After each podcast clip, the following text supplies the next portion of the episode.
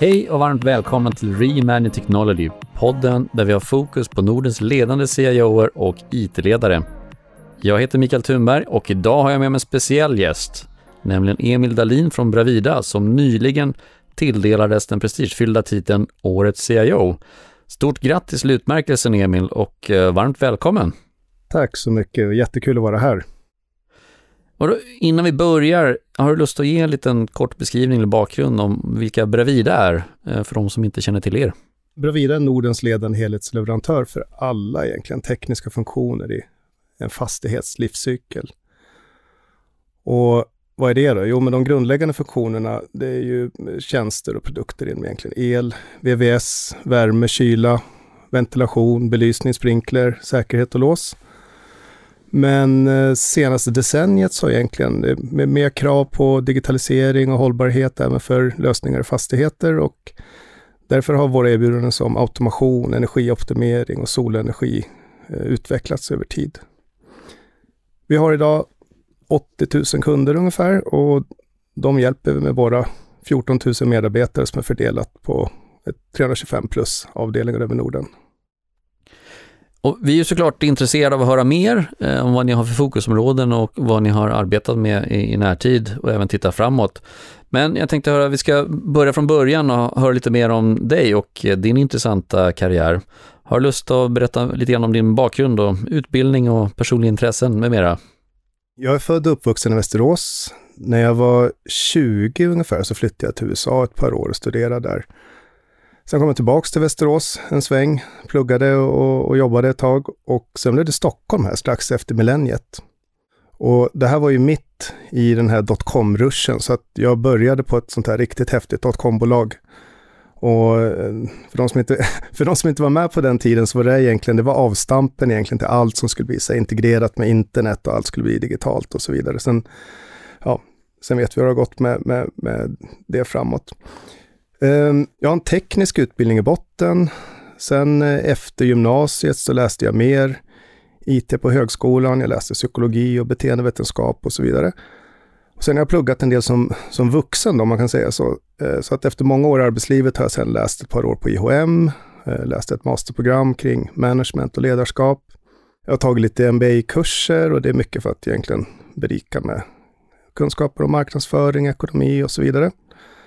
Så att eh, ja, en, en erfarenhet av alla de här, det är nästan 30 år i arbetslivet nu, det är att ett, eh, ett team med smarta människor med olika bakgrunder och infallsvinklar, de, de kan utföra stordåd om de bara samverkar. Ja, lite intressant som du säger just över millennieskiftet. Så det var ju väldigt mycket prat om det papperslösa samhället. Jag vet inte hur du känner, men eh, än så länge skulle jag säga att det finns fortfarande en hel del papper eh, kvar att eh, åtgärda.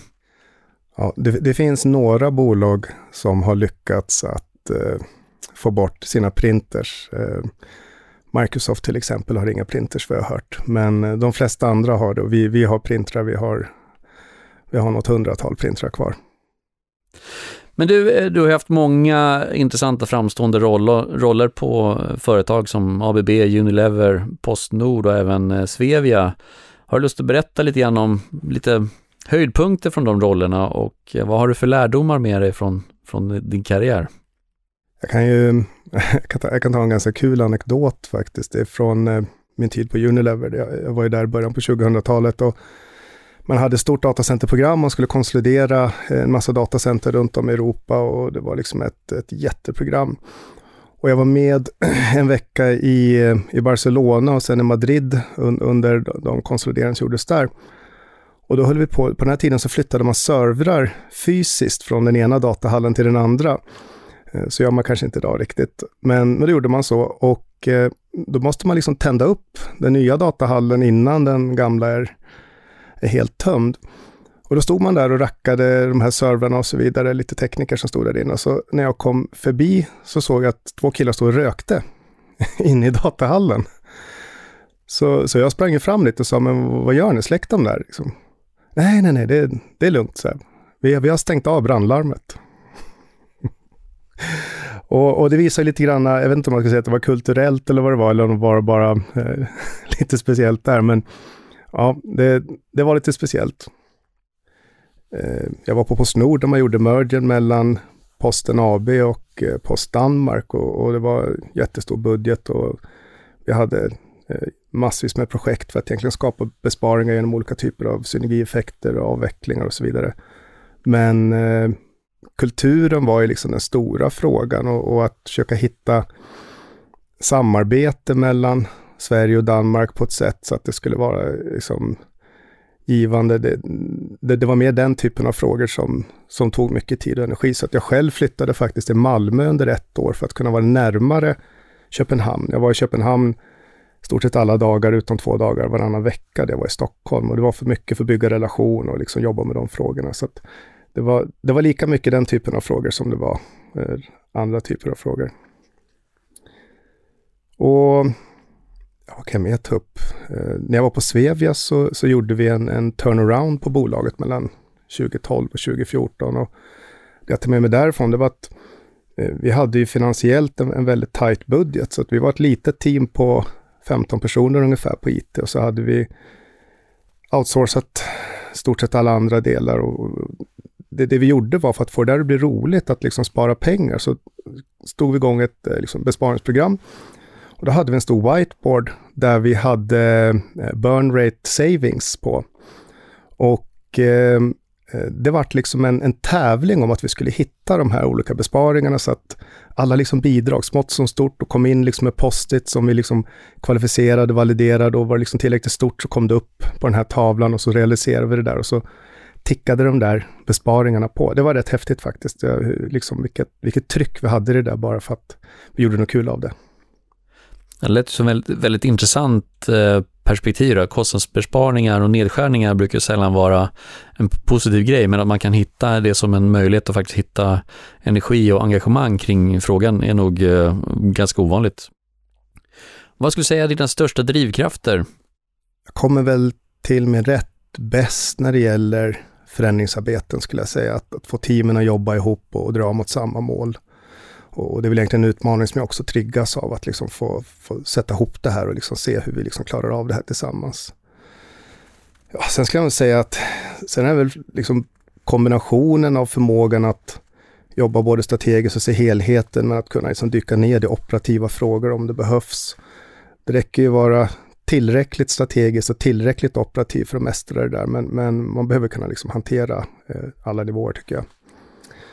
Och sist, ja, jag lyssnar rätt mycket före jag tar beslut. Eh, jag tycker att när det finns tillräckligt med information, ja men då tar jag ett beslut snabbt. Men jag är ingen långdragen analytiker, men, men jag, jag låter nog de flesta komma till, till tals innan jag bestämmer mig. Vad, vad skulle du säga, i de flesta roller så finns det klart eh, diverse olika utmaningar. Eh, har du någon av de här lite mer betydande utmaningarna som du tänker tillbaks till och hur har du hanterat dem? Jag kommer tillbaka till det här med eh, mergen eh, i eh, det som blev Postnord. Alltså den största utmaningen, det, det var liksom faktumet att vi hade inte definierat för egentligen, alltså vad ska hanteras i Sverige, vad ska hanteras i Danmark och då pratar vi ända ner på servernivå. Vi hade massa olika datacenter och vilka lösningar ska vara i Danmark och vilka Sverige. Och när vi skulle sätta upp något nytt, hur ska det göras? Så alla vi som hade nordiskt ansvar, vi fick ju liksom ja, vi fick liksom jobba igenom det här. Vi fick ta, ta beslut kring hur ska processerna se ut, hur ska våra avtal se ut, teknologi och så vidare för de här IT-lösningarna, staffing med mera. Och eh, för mig så var det som sagt väldigt uppenbart väldigt snabbt att eh, om, om det här ska bli bra så behövde i alla fall jag bygga relationer med de här människorna som jag skulle arbeta med.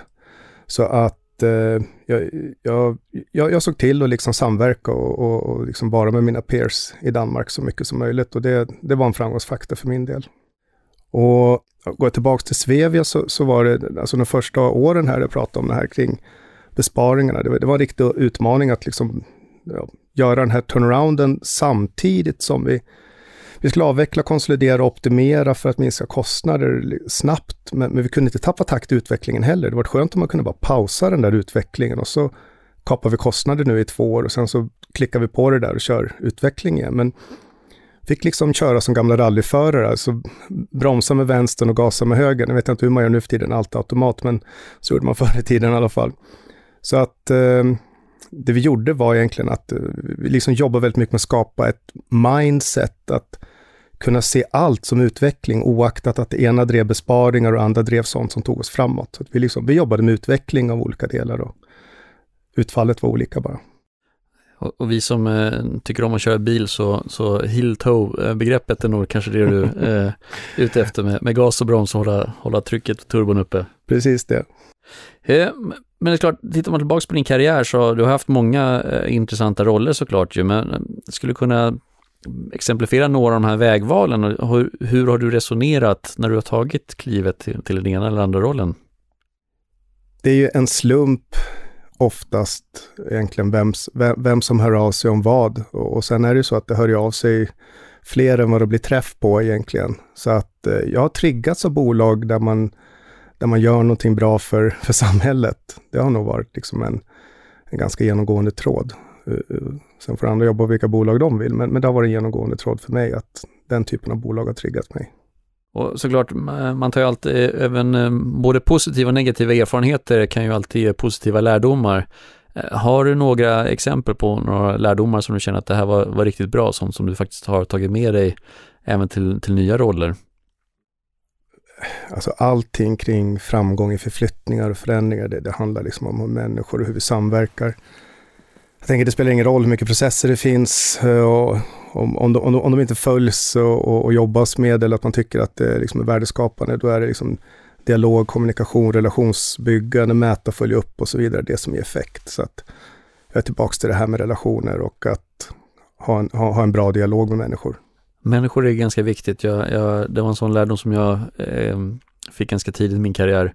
Eh, tekniken brukar alltid lösa sig på ett sätt eller annat, men det är oftast människorna som får bli en framgång eller en, eh, en motgång på ett eller annat sätt. Ja men verkligen, så är det precis.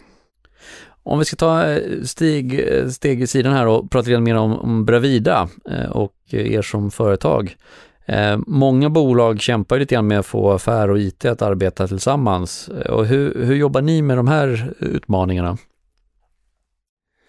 Vi, vi, har, vi gör det här på lite olika sätt. Vi eh, kan börja med det vi kallar för vår business as usual, det vill säga egentligen linjeverksamheten. Där har vi någonting som vi kallar för processforum, där vi utgår från våra, våra huvudprocesser. Och det kan vara installation, eller service, eller HR, eller inköp och så vidare. Och eh, där sitter det med då eh, olika representanter från verksamheten beroende på eh, vilket, vilket processforum det är, så ser det lite olika ut. Men alla har en, en, representation från den divisionen som det kallas, som man är där och, och representerar. Och då skapas en, en backlog med eh, aktiviteter som sen prioriteras till en, en backlog som ska genomföras. Och, och det låter lite så här trivialt, men hur kommer man överens om det där och vad som är bäst i ett sånt här stort bolag? ibland så blir det röstning helt enkelt. Och eh, man väger in eh, affärsvärde, genomförbarhet och så vidare i det här. Alla blir inte nöjda, absolut inte, men, men det är liksom ett sätt att hela tiden komma framåt och jobba med optimering av de här processerna. Så att eh, i de här forumen sitter också från min organisation människor som arbetar väldigt mycket ute i verksamheten i vanliga fall. Alltså det, det är faktiskt så att flera av dem kommer från verksamheten och sen har börjat i IT-organisationen eller Business Technology som, som vi heter. Och Eh, de jobbar även med utbildning och input egentligen till liksom hur ska vi utveckla våra processer i förhållande till våra digitala produktionsstöd. Så de är väldigt, väldigt verks verksamhetsnära.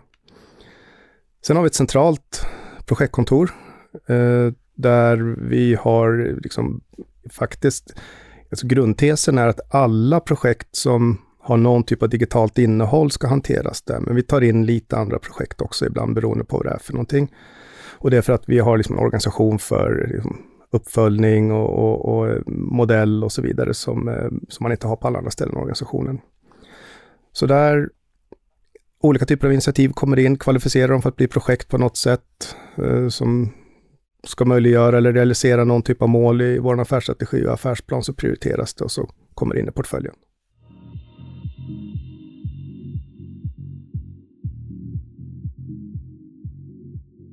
Hållbarhetsarbetet är ju absolut en viktig aspekt för, för många bolag också, även för er. Hur arbetar ni med det internt och eh, mot kund? Vi har, vi har ett antal interna KPIs där eh, vi till exempel eh, nu i år ska ha, ha flyttat över 200 kontor till eh, lokaler med förnybar energi. 2025 så ska vi ha sänkt vårt CO2 med 30 procent eh, när det gäller utsläpp från egna verksamheten och då har vi en baseline som är 2020. Vi ska bland annat ha gått över till en, till en helt eh, eldriven fordonsflotta och då kan man nämna att vi har 8000 bilar ungefär i Bravida. Till 2030, det är, ett, det, det är en bit bort, men eh, då ska vi ha sänkt CO2-utsläpp med 50 procent hela verksamheten. Och 2045, vet inte hur gammal jag är då, då kanske, man, kanske de gått i pension, men då ska vi vara CO2-neutrala i hela kedjan. Så det är, en, det är en bra ambition i alla fall. Sen när det gäller, när det gäller IT så, alltså våran klimatpåverkan är ju ganska låg i förhållande till resterande, liksom hela bolaget. Men när vi migrerade vår infrastruktur till, eh, till Azure, då valde vi Microsoft eh, Sweden Data Center för att den, drivs, eh, den anläggningen drivs med förnybar energi. Och då fick vi kompromissa med att Eh, flera tjänster som vi behövde var faktiskt inte aktiva där, så vi fick försöka lösa det där på, på lite andra sätt. Nu har det där kommit ikapp lite bättre. Sen har vi en övergripande plan hur vi hanterar IT-hårdvaran, vi livscykelhanterar eh, telefoner, vi kommer liksom gå över till att livscykelhantera PCs med mera. Och vi kommer också börja mäta eh, alltså klimatavtryck på lagring. Det finns ju bra inbyggda verktyg i Microsofts produkter för det. Och eliminera det då som kallas för digital waste. Och det är ju inte bara det är jättebra för hållbarhet, men det är bra för omkostnader och det är, det är bra för att driva ett beteende, att man inte ska hålla på och spara saker som inte är aktuellt eller aktivt eller behövs på grund av något lagkrav eller något annat. Så att när det gäller våra kunder då, så där har vi som mål att vi ska hjälpa dem bli så klimatneutrala som möjligt. Så att vi har liksom satt ett KPI på att vi vill liksom försöka komma, kunna hjälpa dem att liksom sänka sitt klimatavtryck i fastigheter med ungefär 55 procent. Och det, det är baserat på att jobbar man med regelbunden service, enkla energiförbättringar, man gör energirenoveringar, man automatiserar fastigheten där det går och så väljer man hållbara materialval och liksom nya energilösningar. Då når man det där, det där målet som fastighetsägare. Ja, bara, det finns ju många sätt som ni hjälper till där och bara omsätta den där fordonsflottan som ni har eh, det är ett ganska eh, ambitiöst arbete som såklart kommer ta en hel del tid. Verkligen, verkligen. Jo men det är det. Eh, ni har ju en väldigt aggressiv transformationsresa framför er. Kan du dela med dig några av de här konkreta exemplen på hur den här digitala transformationen påverkar Bravida och även era kunder? Om jag börjar med kundsidan så kan man säga att vi, vi har skapat fler möjligheter för kunderna att egentligen integrera, in, interagera med oss digitalt i olika kanaler. Och för våra medarbetare som egentligen har kunddialog och kundinteraktion så ska de kunna ha mer relevant information om kunden tillgänglig, det vill säga att vi har etablerat ett, ett CRM-stöd som inte fanns tidigare. Och grunden till det här är att vi har som målbild att vara ett Bravida. Ett Bravida går igenom väldigt mycket av det vi gör och eh, det betyder egentligen att kunden ska ha samma upplevelse och möjligheter i sitt engagemang med oss oavsett vem det träffar och vart. Lite som eh, McDonalds eller Ikea kanske. Eh, Max var ju här och pratade, så, så Max måste vi säga förstås. Absolut, självklart. och sen när det gäller väldigt mycket av vår digitala förflyttning så handlar det om att optimera interna den, alltså den interna effektiviteten. I i byggbolag så är eh, operationell effektivitet, alltså att kapa ledtider, kapa slack och så vidare i kombination med att få så låga materialpriser och så låg kapitalbindning som möjligt. Det, det är liksom där du tjänar dina pengar framför allt. Så att vi strävar hela tiden, vi ska korta ledtiderna i processer, vi ska få bort manuella handhavanden och, och liksom vi vill kunna minimera användandet av, användandet av Excel till exempel. Excel är ett fantastiskt verktyg, men det är ju väldigt många företags utmaningar att det här byggs in i processer på ett sätt som gör att det är svårt att automatisera bort. Man har byggt liksom avancerade makron som inte går att bara automatisera bort rakt av. Så att eh, jag, jag tror mycket på att om, om det blir enklare att göra sitt jobb, då eh, kan människor eh, motivera sig mer att göra de här sakerna som kanske inte är lika roliga. Och det finns, det finns forskning som visar på att glada människor gör ett bättre jobb, så det är ett faktum i alla fall. Eh, om vi kommer tillbaka lite grann, du nämnde det när ni flyttade er infrastruktur till Microsoft Azure. Eh, och det var ju en av faktorerna som också gjorde att du vann eh, årets CIO. Det fanns ju många andra saker också såklart. Men har du lust att berätta lite grann mer om, om fördelarna och några av de utmaningarna som ni stod för? Du, du nämnde också det lite kortfattat då, men, och framförallt också hur har det påverkat er verksamhet i, i stort också? Det är så här, när, ja, jag ska inte prata för alla, men, men för de flesta bolag så är det så här, när man ska göra den där typen av liksom större infrastrukturmodernisering och infrastrukturförflyttning, då, då får det inte bli ett, ett teknikprojekt. Och Jag menar, eh, vi säger ju i alla forum att ja, men man, man får inte göra IT för ITs skull, utan allting ska vara affärsdrivet. Men till syvende och sist så blir det ibland att, att gammal teknik och gammal IT liksom ställer till det. Och då kan man säga att då går det inte att upprätthålla eh, liksom, det, det, det som ens är liksom en, en lägsta liksom, nivå i ett, ett upprätthållande om man inte gör någonting åt det här. Så att vi såg att vi behövde göra ett teknikskifte eh, på grund av, av, av gammal teknik, vi kunde inte bygga liksom, realtidsintegrationer på ett enkelt sätt. Så, så prisprestanda var ju som en drivkraft när det gäller den delen, så att det inte är kostnadsminskning. Men sen på det här så såg jag att vi, vi ska se till att få bättre tillgänglighet, bättre skalbarhet, alltså helt andra möjligheter att automatisera liksom, genom att bygga bättre interaktioner. Och, och, då tog vi med egentligen alla aspekter i det här, så både interna och även det som ligger i kundinterface mot, eh, som är liksom kundorienterade lösningar. Så att när vi börjar titta på det här så blir det som alltid, det var det hundratals med servrar och, och, och, de har olika versioner och så vidare av allting. Så att då, då kan man ju välja liksom strategi eh, och, och, modell. Ska vi göra en, en lift and shift eller ska vi göra en refactoring eh, och, och sen göra en lift? Och eh, jag vill inte säga jätteför att lägga, lägga pengar på saker och ting som inte blir så mycket bättre. Så att eh, vi bestämde att Eh, vi ska, vi ska transformera först och sen så lyfter vi.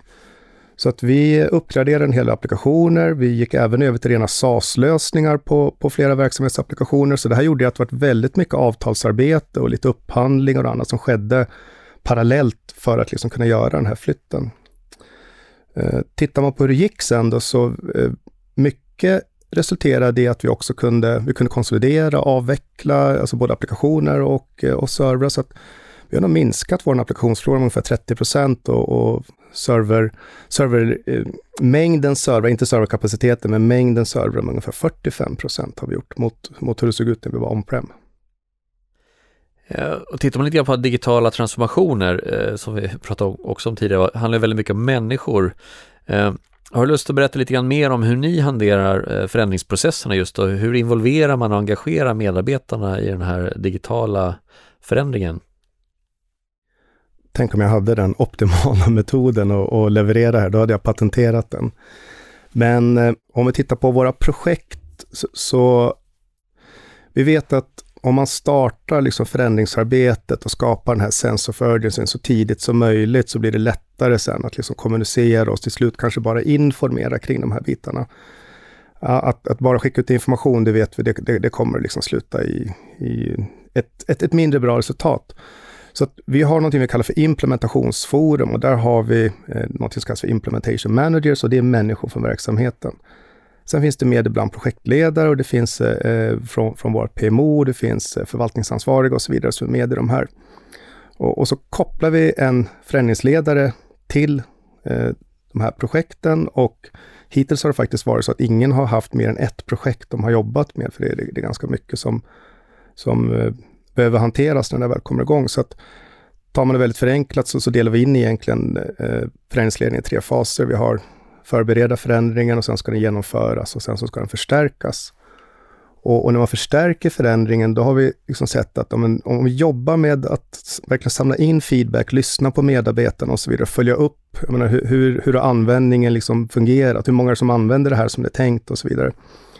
Och så försöka där hitta, identifiera luckor, motståndsområden och sen liksom ta olika actions för att minska, minska det. Jag ska säga också så här, det är viktigt också att det, går inte springa på allting direkt efter en lansering, för då, då får du springa hela tiden, utan eh, det, finns de här magiska sex månaderna då, då människor eh, tycker mycket saker och man får lite sura mejl, eller många sura mejl. Och håller man ut de där sex månaderna så brukar det vara mer, det brukar vara mer nyanserat det som kommer sen, liksom, och mer, mer konkret. Så fira framsteg naturligtvis och indikera, integrera de här nya arbetssätten i vardagen sen. Så att vi har utgått från Adcar och vi har utvecklat en egen metodik som passar egentligen oss. Sen när det gäller change i, i, i verksamheten, då, då, har vi en hel enhet som jobbar med eh, onboarding och implementation av all change i verksamheten. Och det är alltså allt ifrån utbildning i, liksom, i system och processer kopplat liksom, till våra digitala produktionssystem. Ja, och det kan vara liksom vårt ERP, vårt inköpssystem, Office 365 och annat. Eh, och ni har ju eh, ett namn på er eh, IT-avdelning som jag uppskattar väldigt mycket då, med Business Technology. Eh, och vi på Sofigate har ju använt det begreppet under, under lång tid, men det är väldigt roligt att se att det är fler och fler som faktiskt ändrar namnet också även signalerar att det, det handlar om att eh, leverera och säkerställa och skapa affärsvärde för, för verksamheten ytterst. Det handlar kanske inte längre bara om att samla på sig information och hantera den utan faktiskt hur man skapar förutsättningarna för det här. Har du något eh, exempel som du skulle kunna peka på som också eh, visar på hur ni realiserar delar av Brafidas eh, affärsplan och även då titta på hur man kan utveckla deras erbjudanden? Vi, vi har till exempel lanserat en ny kundportal för våra servicekunder så att eh, alla servicekunder har egentligen möjlighet att interagera med eh, Bravida digitalt på, på ett helt annat sätt än tidigare. Och eh, tillbaks till det, det kan låta trivialt, i andra branscher så, så har man liksom jobbat med portaler och man har allt eh, lojalitetsprogram och så vidare om vi pratar liksom B2C. Men för B2B så, så är eh, det är lite stolpigare, det tar lite längre tid. Så för oss var det ett ganska stort lyft att liksom kunna ha den här kundportalen och, och, liksom presentera den för vår marknad. Sen eh, den digitala medarbetarupplevelsen är jätteviktig. En, en, eh, vi behöver ha liksom en modern mobil arbetsplats där vi kan provisionera appar och vi ska kunna möjliggöra effektivisering av våra processer för produktionen på ett bra sätt. Sen har vi den traditionella IT-arbetsplatsen, är lika viktig den naturligtvis för upplevelsen och vi lanserat eh, eh, Autopilot till exempel för att snabbt kunna få ut PCs och sätta upp dem och de kan supporteras över internet. Vi kommer att eh, slå på eh, det här som kallas för Windows Hello och, och liksom passwordless eh, eh authentication här eh, längre fram. Så att och det, det, är samma sak där. Det, det, det, är, vi, vill att, vi vill att arbetsplatsen ska upplevas liksom surprisingly smooth. Och, och lite vem, beroende på vem du frågar i bolaget så kommer de kanske tycka att det, att det är mer eller mindre surprisingly smooth. Men det är målbilden i alla fall. Sen, eh, vi håller på att etablera ett nytt systemstöd för våra projekt där eh, egentligen planering, uppföljning, egenkontroller och checklistor är liksom helintegrerat. Och så kan man jobba med eh, ja, eh, kalkylering och mängdning och så vidare liksom, innan man går in i det här. Men, men att vi liksom har koll på hur, hur, hur går projekten på ett liksom, enhetligt och enkelt sätt. Vi har lanserat en ny inköpsplattform, snabbare, effektivare inköp, mycket integrerade leverantörer. Vi har en price runner-funktion där för att enkelt kunna få upp vart är material billigast just nu och hur, hur ligger det till med frakt och så vidare. Under 2024 så kommer vi kunna erbjuda våra kunder en klimatdeklarerad varukorg och, och för eh, renoveringar och projekt och där går det alltså att styra sin eh, klimatpåverkan. Det, det, här tror vi, det här kommer nog att gå att köpa sen i framtiden som en integrerad del av inköpsplattformen eller man kan köpa det liksom som en tredjepartsprodukt. Men, men idag finns det inte, så att vi bygger det här själv med Power Apps och Microsofts Techstack.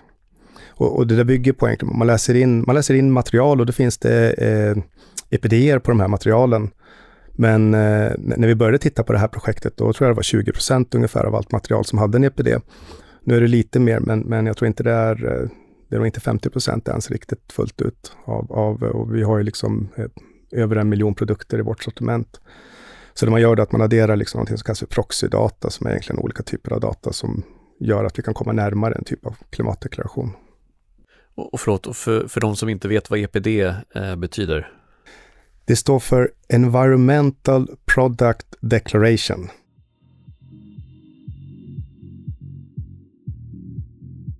Men du, ni är ju inte helt eh, färdiga om man nu någonsin blir det med den här digitala transformationen framåt då. Och för, för de som tycker att det är intressant med, med Bravida och vad ni gör framåt då. Hur skulle du vilja lyfta fram Bravida som en bra arbetsgivare? Alltså, vi, vi är ju en eh, one-stop shop när det gäller eh, fastighetsteknik och, och tjänster kring det. Så att man kan komma in till oss eh, på vilken nivå som helst egentligen och vart som helst och, och, och sen så kan man eh, ha en intern eh, karriärsresa som är eh, hur bra som helst. Man kan liksom förflytta sig i sidled eller vill man bli eh, ledare eller liksom göra något annat så kan man göra det. Så att vi, vi, finns ju som sagt över, över hela Norden och, och, eh, den här branschen är ju en bransch, just, just nu så är det lite tungt i byggmarknaden framför allt. Och eh, flera av våra stora kunder har det ju ganska tufft, vilket gör att även våran affär påverkas. Men så är det i alla konjunkturer, det här kommer vända tillbaka, och då ska man ta igen väldigt mycket. Så att det är en, en eh, väldigt spännande bransch och, och framtiden för det här med energioptimeringar och smarta fastigheter och så vidare, det har vi bara sett början på än. Eh, och när man kommer just in på det här med framtidens utmaningar, men framförallt möjligheter för, för Bravida när det gäller att fortsätta utveckla era digitala tjänster och affärsområden. Eh, hur ser du på det?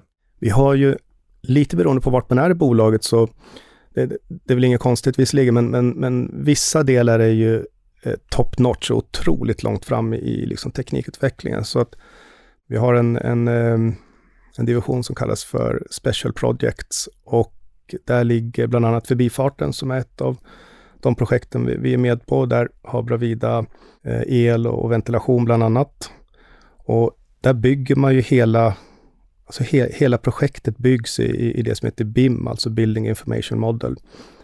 Och traditionellt så har det där gjorts antingen tvådimensionellt eller tredimensionellt. Det tredimensionellt eh, egentligen eh, de dimensionerna är egentligen eh, konstruktionen, de, de, eh, dimension 1 till 3.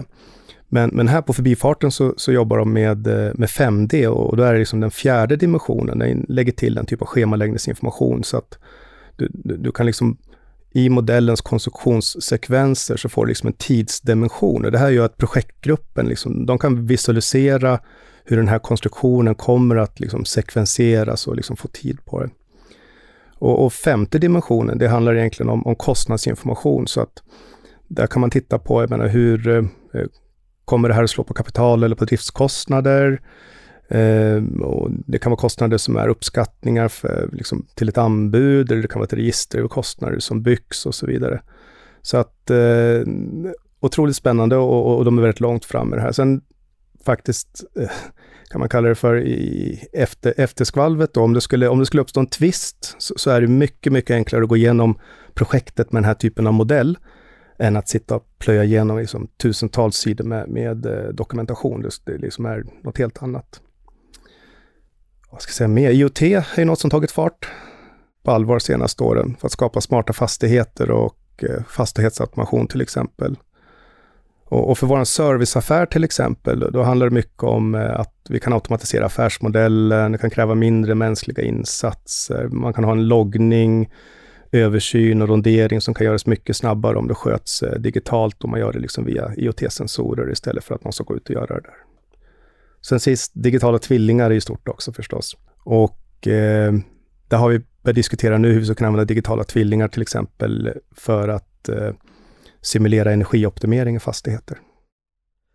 Eh, och man får säga att eh, i år har det verkligen varit eh, året som AI tar fullt språng fullt ut och alla ska ha implementerat det gärna för ett år sedan och har det inom alla sektioner. Hur, hur ser ni på användningen av AI inom Bravida och vad, vad ser ni för potential och finns det några hinder eller utmaningar från er sida? Alltså utmaningen skulle ju vara datafrågan, att ha korrekt data och liksom kunna istället för att liksom analysera gigantiska datamängder, egentligen kunna få ut liksom vilken, vilken data vi vill analysera, analysera och hur, hur liksom får vi ut liksom det som är, är värdefullt för oss. Eh, AI används ju i fastighetsbranschen redan genom att automation och dokumentation och man vill kunna göra prediktiva analyser och då är vi tillbaka till det här för att Eh, det krävs ganska mycket data för att du ska kunna förutsäga egentligen underhållsbehov och identifiera liksom potentiella problem. Eh, det är jättebra, då kan du minska driftstopp, spara kostnader och så vidare. Energioptimering, eh, AI för att övervaka och styra saker och ting. belysning, ventilation, värmesystem och så vidare i realtid. Man kan ha chatbots. Det har vi testat ett par stycken olika. Vi hade en för rekrytering, så hade vi en för leads. Och eh, den för rekrytering tycker jag den fick vi rätt så bra eh, liksom gehör och bra svar liksom från de som nyttjade den. Den för leads, eh, den, eh, ja, det blev inte så mycket affärer via i alla fall, men det var ju, det var ju en kul test var det. Så att då, då ser man lite grann så här, ja men okej, den som kommer in på vår hemsida, liksom, vad är det för, vad är det de är ute efter? Så här, vill de, eh, vill, vill de eh, titta på jobb eller vill de... Eh, så, att, så att det ger liksom indikationer om allt möjligt och så ger det även indikationer om, om hur man vill interagera med bolaget naturligtvis. Säkerhet och övervakning, jätteviktigt. Där har vi blivit eh, mycket större också. Vi, vi har ju en, en, ganska stor säkerhetsavdelning som jobbar med olika typer av säkerhetslösningar. Eh, och sen eh, för, eh, eh för fastighetsägare så eh, jag har en, en, en god vän som har släppt ett verktyg nu när man liksom tittar på eh, fastighetsvärdering. Man liksom kan få in och analysera liksom väldigt stora mängder information som annars skulle ta väldigt lång tid att få fram. Så, att, så det finns jättemycket för, för liksom både fastighetsteknik och fastighetsbranschen att vinna på AI. Men datat är key. Utan data är det svårt. Eh, du har ju haft eh, många ledande positioner genom åren såklart, men hur skulle du vilja beskriva dig själv som ledare? Det, det är så här, när man beskriver sig själv så är det så här, man är ju som man upplevs och, och upplevs eh, högst troligtvis eh, annorlunda beroende på vem man pratar med. Men jag försöker ha ett, ett holistiskt synsätt alltid. Jag, jag, vill vara liksom tillräckligt visionär, men jag vill inte vara en sån här person som svävar iväg och, och tappar fotfästet lätt. Jag brukar se till att eh, ja, vi, ska ha, vi, vi, ska ha en upp, uppdaterad övergripande strategi med, med, med målbilder på plats som utgår ifrån.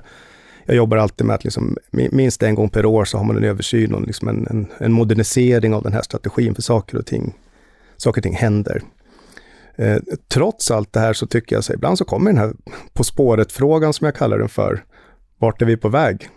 Och, och, och där, där gäller det ju liksom balansera det här med att ha för tajta delmål och liksom, då, då finns det människor som kommer känna sig styrda och att man inte får ha den här öppna vägen mot de här målen. För det, det är jätteviktigt tycker jag, att alla liksom får verka ut och vara, ta sig fram på det sättet som de gör bäst tillsammans.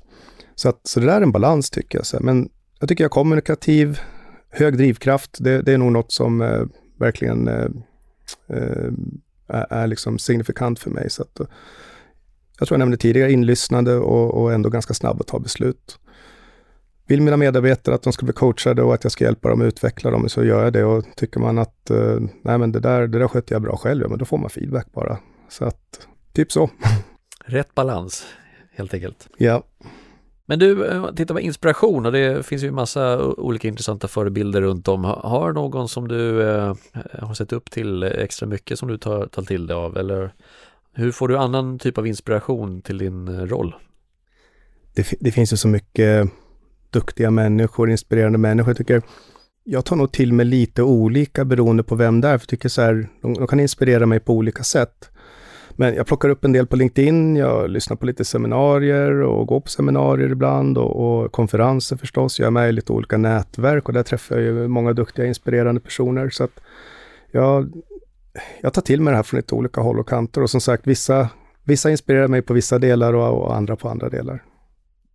Eh, om man tittar vidare på det här med inspiration och förebilder av, finns det någon typ av eh, ramverk eller filosofier som du eh, tycker har fungerat bra för dig sedan tidigare? Ja, alltså när, när det gäller ramverk så, så här, jag lärde mig väldigt många ramverk i mina yngre år. Jag, jag har pluggat en hel del eh, ledarskap och gått liksom flera utbildningar. Men jag tyckte så här, fyrfältare och modeller, det är jättebra att följa upp saker och ting som är ganska förutsägbara. Och, och, människor är inte så förutsägbara och det finns mycket situationer som jag själv i alla fall har landat i. Jag har, varit, eh, har väl haft någon typ av personalansvar sedan jag var 26 och det är liksom 23 år nu. Och, och, det finns mycket situationer jag har hamnat i som, som inte de här modellerna eller de här kurserna har liksom tagit upp. Så att eh, jag tycker de, de, är bra för att man ska mäta och följa upp kulturell prestation, finansiell prestation, absolut. Och, och liksom, men man behöver ha liksom en, en förståelse för hur människor fungerar generellt. Eh, och, och, och det, här, det, här, kommer liksom med, eh, med åren och olika typer av situationer. Så fingertoppkänsla och använda den här erfarenheten, det, det tror jag är viktigare än att lära sig liksom ännu en modell. Sen när det gäller personer som förebild, jag tycker jag tycker om personer som har en nyanserad bild av livet överlag och det behöver absolut inte vara chefer eller ledare. Utan vem som helst som kan ge mig ett berikande samtal, det, ser jag som en inspirationskälla. Om man tittar på lite sådär just kopplat till lärdomar och det, har du några tips och idéer som du skulle vilja dela mer av till andra CIOer utifrån eh, dina erfarenheter som du har fått till det nu som du önskar att du hade känt till tidigare? Jag har väl en, en övergripande och det är att eh, alltså inte vara för snabb och dra slutsatser baserade på känslor mer än fakta.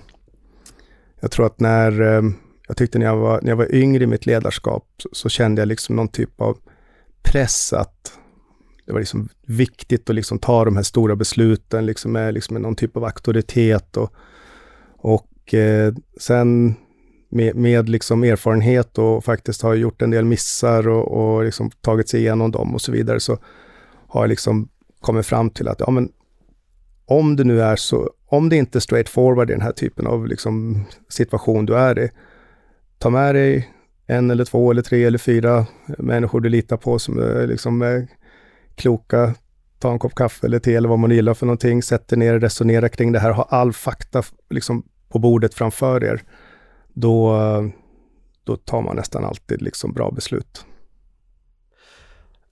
Ser du någon annan CIO eller IT-personlighet i Sverige som du tycker vi borde bjuda med i podden och eh, har du någon intressant fråga som du skulle vilja skicka med där? Jag har ju en, eh, en en vän som är både vän och CIO, Per Fredrik Frimodig som är på Oatly, skulle jag gärna vilja höra podden. Han är inspirerande tycker jag. Han har, vi brukar ha kloka samtal. Och så skickar med honom fråga, ja men då skulle det vara, ja men här, hur, Fredrik, hur får man verksamheten och IT att samverka och gå i takt? Jag tänker vi pratar mycket om det här i olika sammanhang och jag har liksom inte hört den här metoden som fungerar i alla lägen där alla är nöjda och glada och där frågan vad får vi för pengarna aldrig kommer. Låter som en klok fråga. Då hoppas vi får svar på den inom kort. Stort tack Emil för att du har gästat oss och delat med dig av dina erfarenheter och eh, kloka insikter. Tack så mycket själv, det var jättekul att vara här. Ni har lyssnat på Remany Technology, en podcast producerad av Sofigate och vi återkommer med ett nytt avsnitt inom kort.